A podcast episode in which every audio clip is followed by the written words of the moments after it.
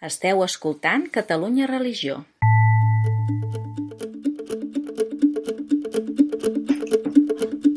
Som dijous 17 de novembre de 2022 i esteu escoltant la rebotiga de Catalunya Religió, aquest espai de tertúlia i comentari d'actualitat amb els periodistes i col·laboradors de la nostra redacció. Avui, amb convidat especial, saludem Gerson Gelabert. Com estàs? Molt bé. Moltes gràcies per convidar-me. Jordi Llisterri, Roger Vilaclara, com anem? Què tal? Hola, què tal? Escolteu, ens falta una persona aquí, ja des de fa algunes setmanes, que és la Glòria Barrete, directora del portal, i l'hem de felicitar perquè està d'enhorabona, ha tingut una criatura. Felicitats, moltes, moltes felicitats, Glòria, des d'aquí al teu equip, que t'estimem molt. Uh, compartim la teva felicitat i il·lusió. Eh? I a més hem pogut, hem pogut no veure ja les fotos. Que, que hem vist fotos, sí, sí, sí per molts, és que molts no es anys. Pot anar, no es pot anar als hospitals a visitar allò, emprenyar els, els, els pares que acaben de, de tenir la criatura i ho hem hagut de fer tot virtual, però sí, sí, compartim l'alegria de ser un més a la família. Un nou barrete. Sí. Un Molt bé, doncs escolteu, uh, tenim, dèiem, en Gerson Gelabert amb nosaltres, ell és músic uh, i dirigeix una pila de corals. Ara ens deies que, en- que en portes quatre al Vallès Oriental, una al Vallès Occidental i una a Barcelona. Corals de gospel, cert? Corals de gospel, totes, sí. Sí, sí. I diumenge vam veure que aquestes corals actuaven a l'Auditori de Barcelona, al, al, al, perdó, al fòrum, a l'Auditori del Fòrum de Barcelona, amb una causa solidària de fons, que era un concert a favor dels projectes que porta Càritas amb la gent gran, i és aquest Gospel Fest, segona edició, una pila de gent, no sé si hi havia miler i mig no? d'assistents i pràcticament 500 o 600 cantaires a l'escenari. Tot això, um, bueno, com ho vas viure? No? Com, com va anar? Um, esteu contents? Estem molt contents. Estem molt contents de la resposta, tant dels cantants, que des del minut 1 que es va posar la, la idea, no?, de, vinga, fem una segona edició, es van apuntar uns 1.000, aproximadament. D'aquests es van agafar 600. I després la resposta del públic igual. O sigui, teníem, em sembla, 2.800 places i vam omplir 2.500. Així que estem super, super contents. Aquestes 2.000 persones que van aconseguir no, la, a través del pagament de l'entrada a recaptar 50.000 euros per aquests projectes, dèiem, Uh -huh. Ah, però que, que també, eh, ara que ens ho miràvem i, i pel que sabem, no? i mirant el programa, la majoria de les cançons, evidentment, gospel, gospel és l'evangeli, no? i és l'evangeli cantat, i és aquesta bona nova i alegria, no? I, un, i un tipus de música molt vinculada a l'espiritualitat, no? Sí, sí. És desvin... No es pot desvincular, de fet. No es pot desvincular. No, no. De fet, una de les... Jo sempre dic no, que el gospel té dos, dos coses importants. Si no, no saps què és gospel, perquè pots escoltar música que s'assembla, però no ho és. I una és la que tingui coral o gent que estigui contestant, no? I l'altra part és que parli de Jesús, que parli de Déu. Si no, I, pot semblar-se molt, però no ho és. i vau aconseguir que el programa fos tot de cançons, no? Que no semblaven Sí. gospel, sinó que ho eren, no? Ho eren, ho eren. Sí, sí. Sí, no, no hi ha un gospel civil, diguem. És impossible, perquè ja el propi nom de l'estil musical impedeix, no? Gospel és evangeli, llavors és com... No pots, no el pots desvincular-ho. A mi m'agrada... Sí, perdona, Roger, endavant, endavant. No, perdó, o sigui, a mi m'agradaria saber que ara la Laura deia que, que dirigeixes va, varis cors de gospel, etc. No m'agradaria saber personalment com, com t'arriba l'interès pel, pel gospel o com li arriba a una persona em, el fet de, doncs això, no? de, de, d'interessar-se per, per formar part d'un cor de gospel o en aquest cas de dirigir-los, diguéssim. Mm. De fet, des dels 15 anys que es va fer una crida a totes les esglésies eh, de Barcelona, ah, bueno, moltes esglésies de Barcelona a fer un cor gran de gospel, jo vaig entrar. Es deia Gospel Barcelona i érem 300 cantants. i va ser molt guai, vaig estar uns 9 anys allà. A partir d'allà sempre he estat una mica vinculat a aquest estil, no? I quan vaig entrar a una escola ja després de la carrera i tot això a ser profe, eh, al poc em van oferir doncs, portar el cor gospel que ja havia començat el Ramon Escalé allà i vaig dir, ah, mira, doncs, ho vaig posar en pregària i Déu va dir, endavant. I llavors, doncs, endavant, a tope. Des de llavors, ara fa 10 anys, això. Uh, fes una mica d'explicació de, de, com, o com vius tu des del teu punt de vista amb tota aquesta part també de comunitat, no? que el gospel és molt uh, això, no? aquest, aquest grup que es troba, que, que expressa i, i que un sí que poden haver-hi solos, no? Uh, I brillen i això, però a darrere hi ha algun altre cor no? que, està, que està dient alguna cosa. Um, què té a veure això amb la fe, no? O amb la teva fe concretament? Clar, això té diverses parts, no? Una és la part eh, d'estar junts i fer alguna junts, que això és, evidentment, és superfort, és molt important i, i porta un pes molt gran. Un altre és, se suma per mi el fet de que les lletres es creguin o no es creguis, eh, o sigui, es creguin o no es creguin, hi ha una declaració darrere important. I llavors, vulguis o no, no, això està fent alguna allà, també.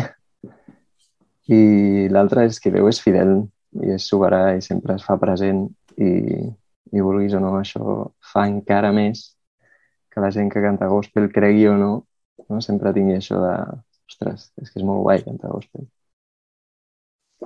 Perquè igual que a Catalunya hi ha una bona tradició del moviment coral, fins i tot el moviment coral infantil, amb grans trobades que es fan també periòdicament.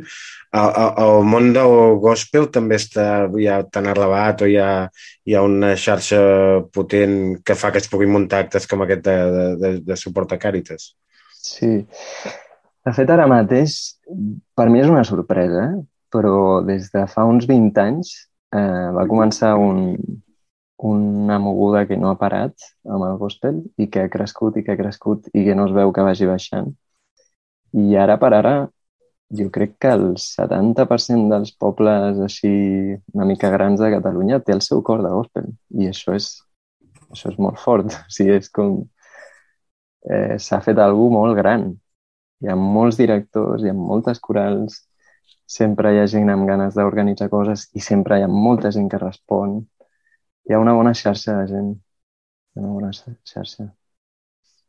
Perquè els que som... Diumenge... No. Sí, perdona, Jordi. Que ets... no, deia només, els que som profans musicalment, i que més aviat fem un favor a la humanitat si no cantem, eh, i, i, i podem entrar-hi o necessitem un, hi ha unes, un, uns, uns mínims detalls i de coneixement, eh, bromes a part, i de coneixements musicals o és una cosa més de que l'important és la, la voluntat de participació? Mira, depèn de la coral. Això és l'important. Jo, des de que vaig començar, a totes les meves corals, les que vaig eh, al principi, sempre la filosofia ha sigut estiguem junts qui canti bé, canti bé, qui canti malament dona igual, perquè al final el que mola és estar junts fent alguna cosa, no? I quan estàs cantant, tu dius ara mateix, jo no tinc ni idea i faig un favor no cantant, no? Però quan estàs dins d'un cor i tens al voltant gent que t'està cantant el mateix, a poc a poc la teva s'acostuma a copiar. I llavors és molt guai perquè ja suma, vulguis o no, no? És un timbre diferent que ja està ja posat.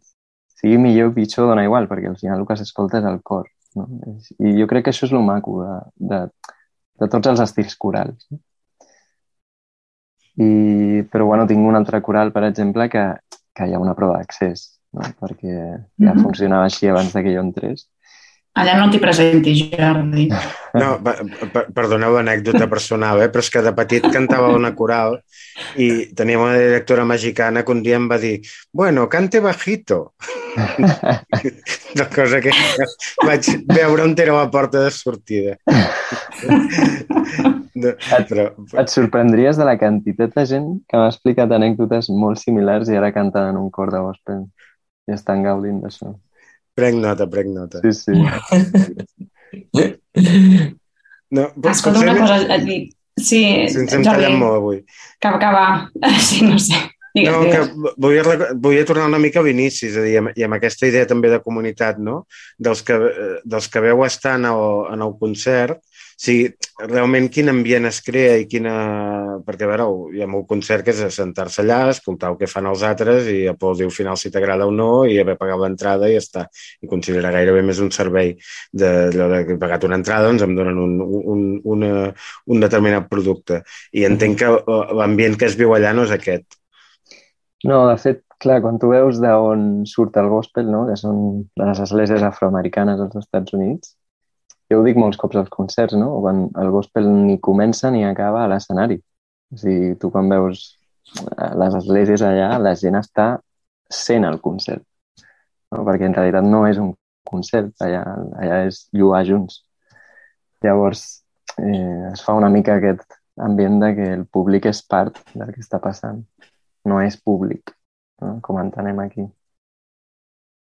Mira, justament, um, va molt bé que comentis això perquè diumenge vaig tenir la sort de ser allà entre el públic i sí que és veritat que es demana o, es viu o no, espontàniament i, i t'hi porta la, la música a, a que el públic s'impliqui, no? Demana, doncs això, doncs participa. Uh, una de les peces que potser va ser més explícita aquesta participació és la que vas introduir, no? El Bless Our Home, que, que venia d'una experiència teva personal de fe, no? D'una pregària que deies que t'havia regalat Déu. Ens ho pots Mm. sintetitzar per la gent que no, que no hi era en el concert, una mica com neix aquesta melodia? Eh, aquesta cançó dic que és un regal perquè durant el confinament cada dia a casa amb la dona i els nens doncs, teníem un moment de lluança cada dia i, i va sorgir això, va sortir aquest, aquesta cançó.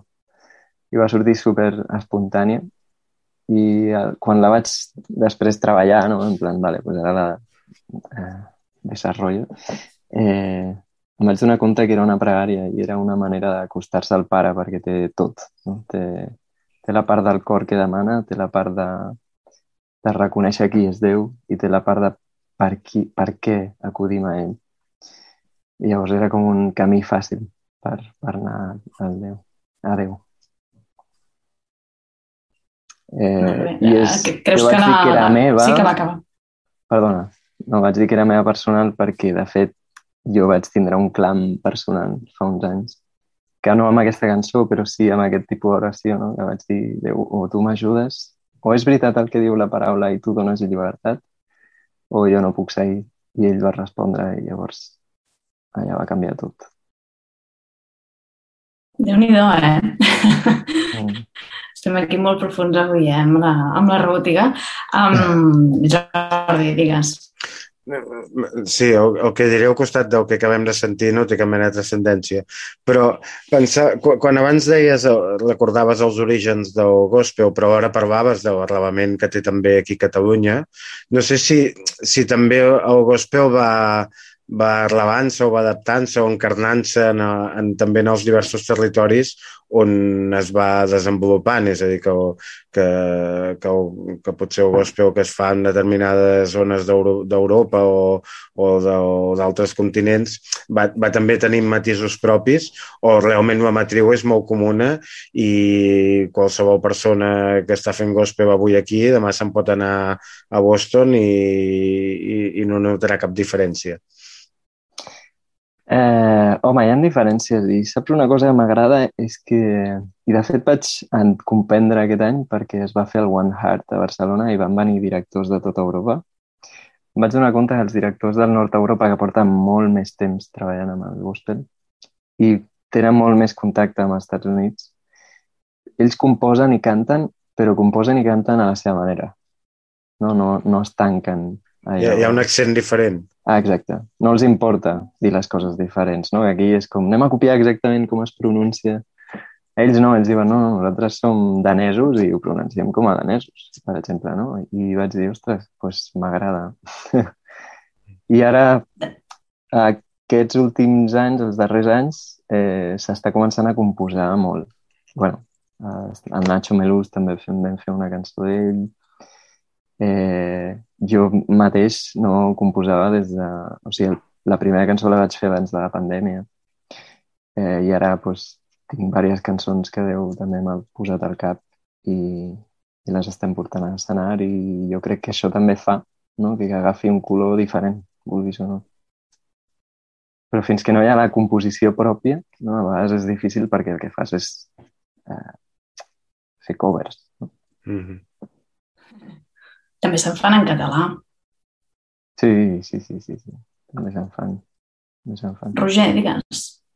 Jo, tornant, tornant al Gospel Fest, Eh, bueno, no sé, si, no sé si aquesta pregunta, Gerson, tu la sabràs, eh, la resposta, però sí que recordo la primera edició que, que semblava potser com un acte únic i que era com un moment que es faria una vegada, per dir-ho d'alguna manera, i entenc que després de l'èxit es va voler repetir i sí que és cert que, si no m'equivoco, es volia fer per, abans de la pandèmia, llavors va esclatar tot, etc.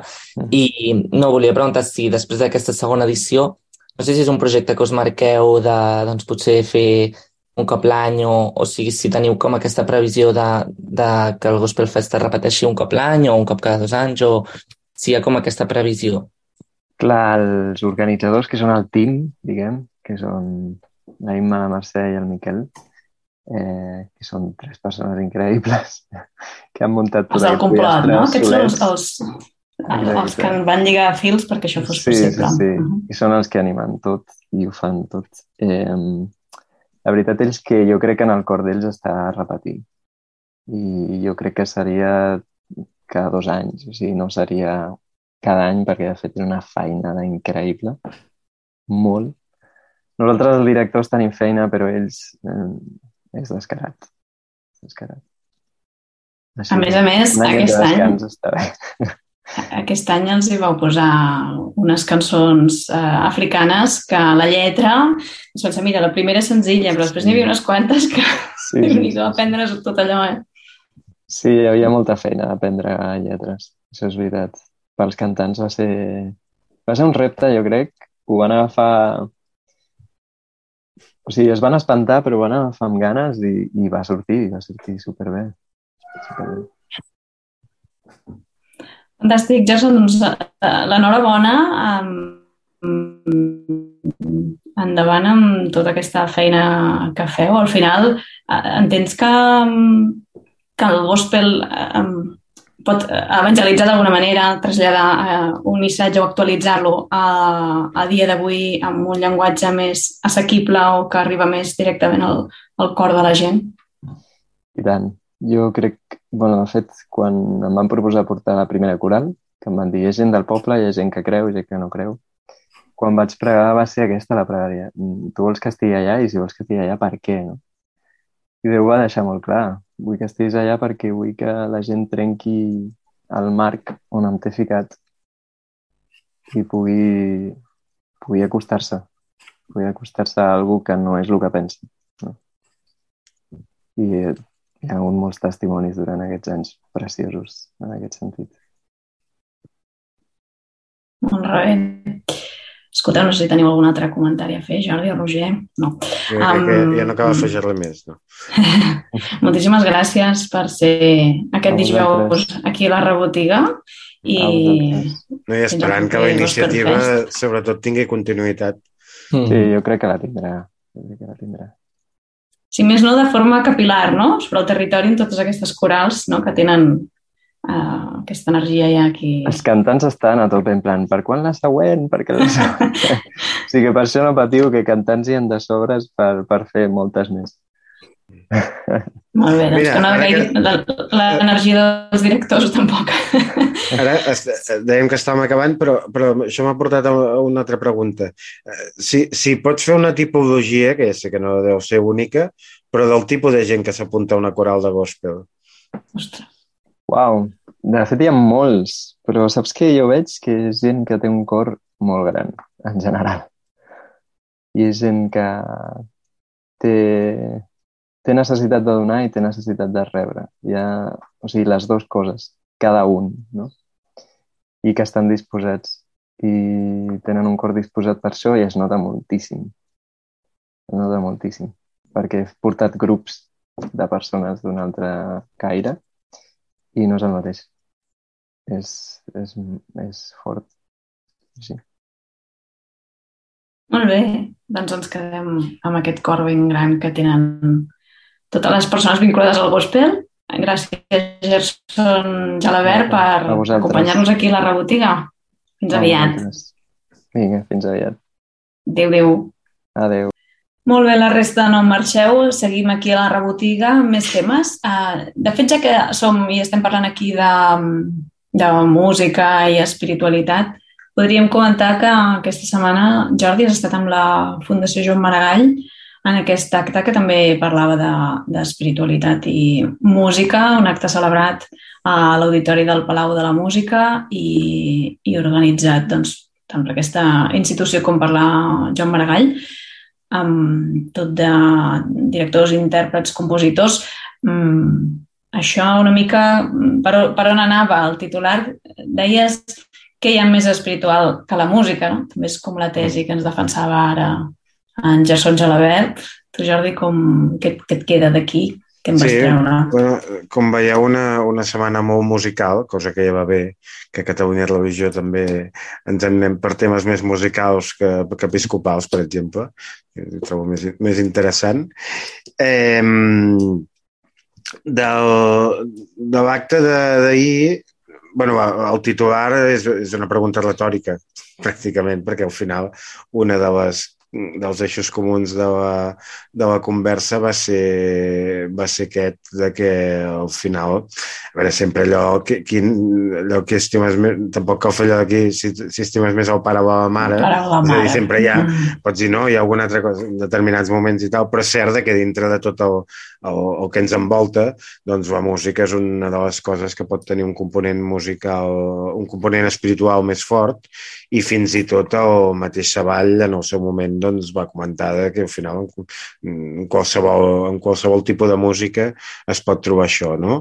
O, un altre dels participants, el compositor Baron Napi Bancos, que deia que al final amb ell no li agradaven les etiquetes de música religiosa o, o música espiritual, sinó de, de música i en tot cas que depenent de l'actitud i del moment i de la manera doncs, de, de rebre, eh, perquè no hi ha només el compositor o l'intèrpret, sinó al final hi ha el receptor doncs la manera de rebre de rebre aquella peça doncs és el que, el que provoca una experiència que és, que és, que és per cadascú. Eh, jo sí que volia destacar el, el format i el fet. Eh, els continguts una mica els estan resumits en l'article que hem fet i sempre doncs, vam parlar gairebé dues hores, per tant trobareu una mínima part de l'interès que va tenir realment l'acte, no? i al final també sempre s'ha triat. Però que el, el format va ser molt interessant i ara faig una acotació. Estem farts d'anar a actes avorrits o actes mm. que, mira, estàs allà i ja que hi ets, doncs, eh, més o menys prens quatre idees i ho expliques perquè s'ha de fer. Però he de dir que en aquest cas, a més, m'ho vaig passar bé senti, ja no només mm, escoltant-ho, sinó senti, com a, i, i jo crec que això va ser compartit per la, per la immensa majoria del públic. I, i una altra acotació en la mateixa línia de l'interès que, que, que té remarcar, que era un acte organitzat per la Fundació Maragall, conjuntament amb el, la Fundació Joan Maragall, conjuntament amb el Palau de la Música Catalana, i que era un acte molt de fronteres, és a dir, sí que hi havia òbviament era un tema religiós, espiritual, etc etc, dels temes que ens, que ens poden interessar, doncs que estiguin en el centre del, del, del debat també cultural, però que, per exemple, ho vaig veure en el públic, jo estic acostumat a anar a actes de la Fundació Maragall i aquest públic també hi era, però vaig veure públic que no acostumes a veure amb actes de la Fundació Joan Maragall i en general en qualsevol entorn d'església. I jo crec mm. que cap d'aquests públics va sortir, va sortir decebut, sinó, sinó el contrari, sobre un, tema que es, mm, es podria parlar també internament en qualsevol, en qualsevol àmbit religiós. Mm, públic ni, decebut ni espantat, eh? Aquí ningú va sortir espantat. Um, jo sabeu, em, em quedo amb, amb una de les frases que va dir en Joan Magraner, que deia que l'espiritualitat forma part de la nostra cultura i que, i que per ell era un fet natural, no? que, que l'espiritualitat és, és el més humà i el més sincer. Mm, que, eh, estem parlant d'un compositor no? relativament jove i, mm. i que i que no té problema. A vegades són paraules com molt incòmodes. Alguna vegada eh, hi ha gent que ens diu no? que el tema espiritual és, no saps ben bé què fer-ne, que si no ho acabes d'entendre dius que forma part de les emocions, no? Doncs no, no és ben bé això, no? Doncs lligar música i tota aquesta dimensió no? que transcendeix mm, jo crec que és interessant. Després se li poden posar etiquetes, no? que sigui música espiritual o música sagrada o, o religiosa en funció dels usos, no? com deia el Vivancos, però, bueno, em sembla que està bé. Van, van... Es va sentir la música, tot era teoria, no, Jordi? Diguéssim, o era un diàleg? Tot era teoria, però en dos moments, tant el Vivancos com el Savall van posar un exemple a, a interpretant musicalment. El, el, el Savall ens va comentar d'una peça musical que després havia sigut un, diguem, una obra religiosa per la lletra, però que d'origen era una cançó popular i més aviat picant, que no tenia res a veure amb el, i que canviant la lletra es va, però que al final el que, trans, que era una manera de dir que el que transmetia era la música, no tant la lletra. Mm? I el Vivancos mm. també d'una un, anècdota sobre una obra seva doncs, també va abandonar i també, però vaja, era, era, era tot, certament era, era tot paraula.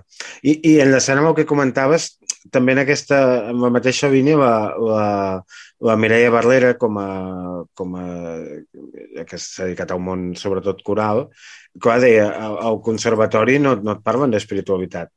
I això ho vas aprenent eh, ho vas treballant a mesura que, que entres en, nou, en la pràctica, en el, en el, el veure el nou perfeccionament, amb, el, amb anar treballant amb, amb, amb, amb diverses peces i obres i on, i, i on realment pots, eh, pots aprofundir en aquesta voluntat de transmetre alguna cosa més que una peça maca o una peça perfectament interpretada. Segurament perquè una mica com deia ara el, el Gerson, no? també que ens explicava el tema comunitari de les, en el cas de les corals, i juga molt el factor de la interacció d'uns amb els altres, no? I, i això que dius que, que és un camí, no? Que s'aprèn o... Clar, a mesura que hi ets, no? I la gent et respon, suposo que pots anar a, un, a tocar unes tecles i no unes altres, no? De, això de, de, de punxar en un sentit o, o veure que s'estan, o detectar que s'està vivint això, jo crec que sí, que a vegades com que costa posar-hi paraules, doncs la música és un llenguatge, no? Aquest... I, i després hi ha tot allò de...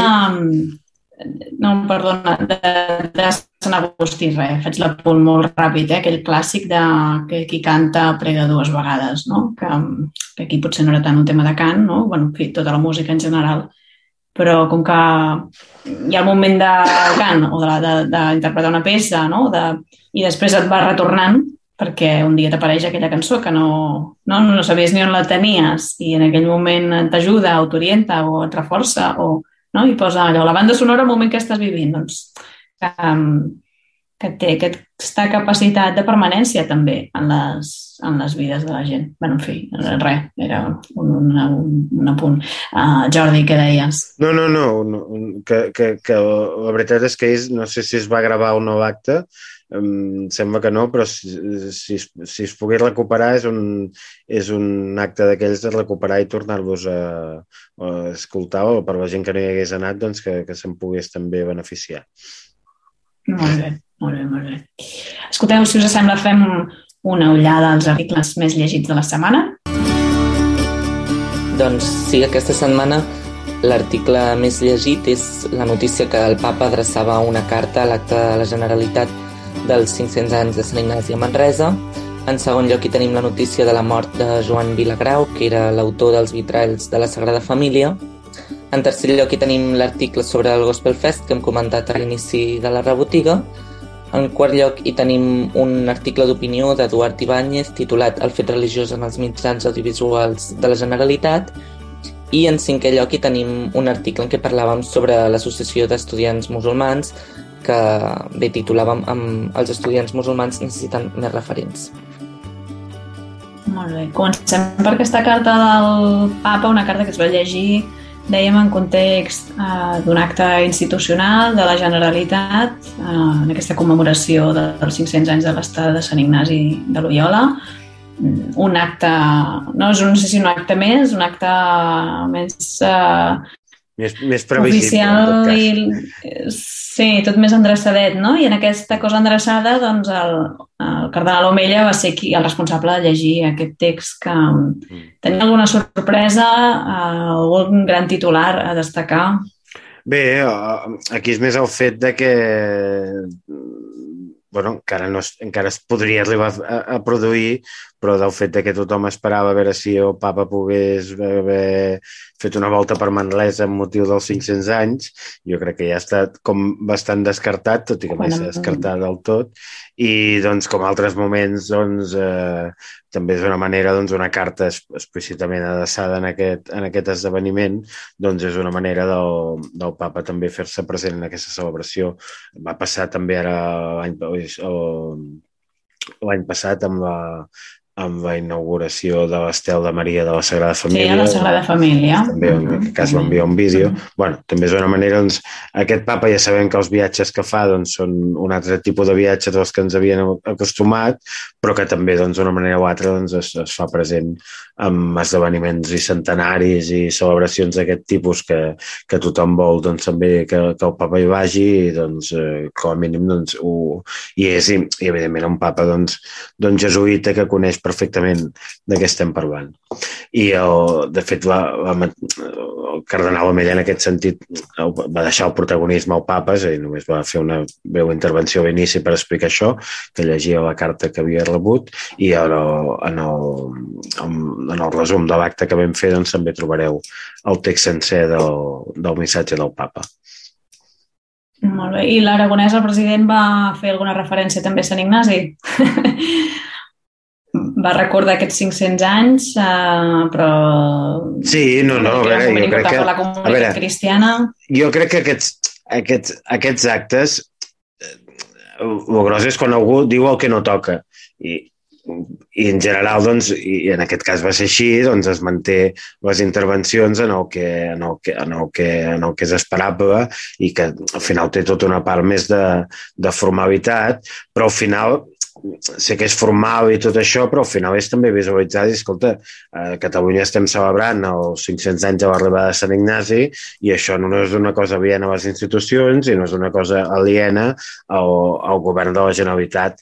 I, per tant, doncs està bé que hi hagi en, el, en la seu del govern del nostre país doncs, que hi hagi un esdeveniment que té les limitacions que té un acte d'aquests de tipus oficial, però hi hagi un esdeveniment on remarqui que això, doncs, al final també és un patrimoni de tots, no és només dels catòlics o dels jesuïtes o dels de Manresa, sinó que és un, un patrimoni de tots i jo crec que aquest és el, el, el, el sentit de, de, del que es va fer el dilluns a Palau. Ah, aclarit, molt bé.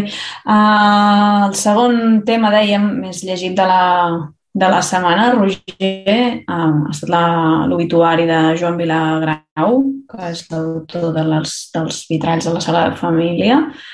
Um, algun comentari, Roger, al respecte?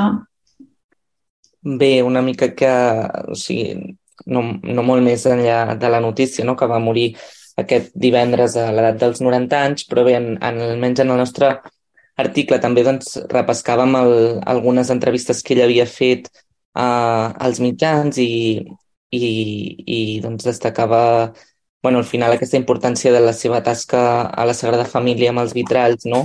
Ell parlava de que, de que els vitralls emocionen i realment aquesta feina la va fer, si no m'equivoco, eh, durant més de 17 anys, que va estar doncs, dissenyant els vitralls que ara podem veure a la Sagrada Família i fins i tot també s'havia havia començat el que és el disseny dels vitralls que encara no estan de la façana de la Glòria, que això no sé si realment doncs, els hauria acabar o no, però, però bé, una mica destacàvem, destacàvem aquest treball i també com la tasca que havia fet amb, amb Jordi Bonet, un treball conjunt que havia fet amb, amb l'arquitecte mèrit que també va morir aquest any eh, recentment, de fet. Mm. I amb Jordi Bonet Jordi. I, amb, i amb el seu germà, mossèn Lluís Bonet, que va ser durant molts anys el rector de la Sagrada Família, que, que al final era el que, el que, havia, el que va formular el discurs més teològic dels, dels vitralls. El que passa que sense el Vilagrau, que hi va donar forma i que, i que clar, els que recordem el dia que es va inaugurar la Sagrada Família, allò era un temple de color blanc bueno, blanc o pedrós, de color pedra, tot que les pedres tenen diverses tonalitats, i un dia vam veure que la Sagrada Família canviava a mesura que es van anar acabant els vitralls i et marca un, una composició de colors que dona molt més idea del que, del que pretenia gaudir amb que allò fos un, fos un, un, un espai de, de natura eh? I, i els colors, el mateix, Mm -hmm.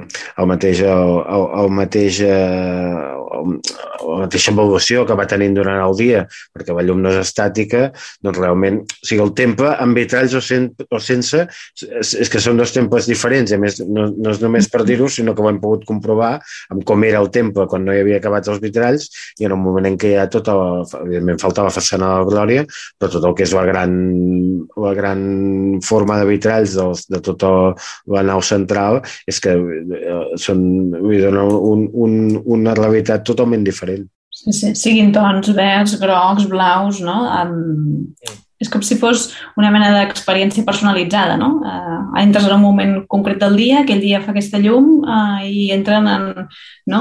en, com una mena de cosa virtuosa en joc tots aquests colors i es barregen, sí, sí, realment um, jo crec que s'aconsegueix s'aconsegueixen meravelles en, en, a, a través d'aquests vitralls. Sí, mm. sí, des d'aquí doncs també bueno, aplaudir o reconèixer no? una feina que, que també és molt artesanal no? i que, que té la seva feina de, de coordinació i de treball en equip. Aquí ara hem esmentat dos o tres noms, però segur que en el moment de l'elaboració n'hi entren molts més. No? Mm. I, I això amb, amb un discurs un raonament no? de, de fe teològic o també hi ha tota aquella part de vitralls no? que, que representen um, llocs concrets del món i els sants i vull dir que és, és, és tot molt, molt plural no? i tens moltes lectures. Permet una lectura molt més rica d'un temple que això que deies tu, Jordi, abans dels vitralls potser era més estàtic o monocolor. Sí, mm. sí. No, però, per exemple, insistint en aquesta idea, eh, però tots tenim molt que la façana de Sobirats, i, i clar, Sobirats marca molt eh, el qui ho va realitzar, doncs, que aquella façana fos d'una manera o d'una altra. Però és que l'interior de la basílica mm, en, en part és la basílica de Vilagrau, perquè és que seria una altra sense, sense aquells vitalls. També afegiré com a anècdota que són un gran mal de cap pels fotògrafs, perquè depèn de com està girat el, el sol i com donen el presbiteri, et surten tot el cuero de colors. no, no, això passa que et surt un capellà amb la cara verda, la trabava i tal. O sigui que també no, és, és un problema amb els fotògrafs en, en determinades hores, però, però i això no crec que el Viva Grau ho hagués previst, però és una mostra més de que, de que són, seria un món diferent sense, sense aquesta aportació. Molt bé, doncs escolteu, tanquem aquí la rebotiga. Sabeu que tots aquests temes els podeu trobar a la web, que també tenim perfils a xarxes socials i a banda d'aquest podcast, doncs, el que us podeu subscriure per les plataformes més habituals. Gràcies per escoltar-nos una setmana més i ens veiem aviat. Ens escoltem. Gràcies, Jordi Misterri. I felicitem de nou a la directora. Una abraçada molt, molt forta a Glòria i família.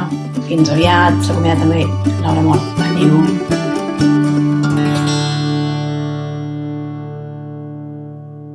Catalunya Religió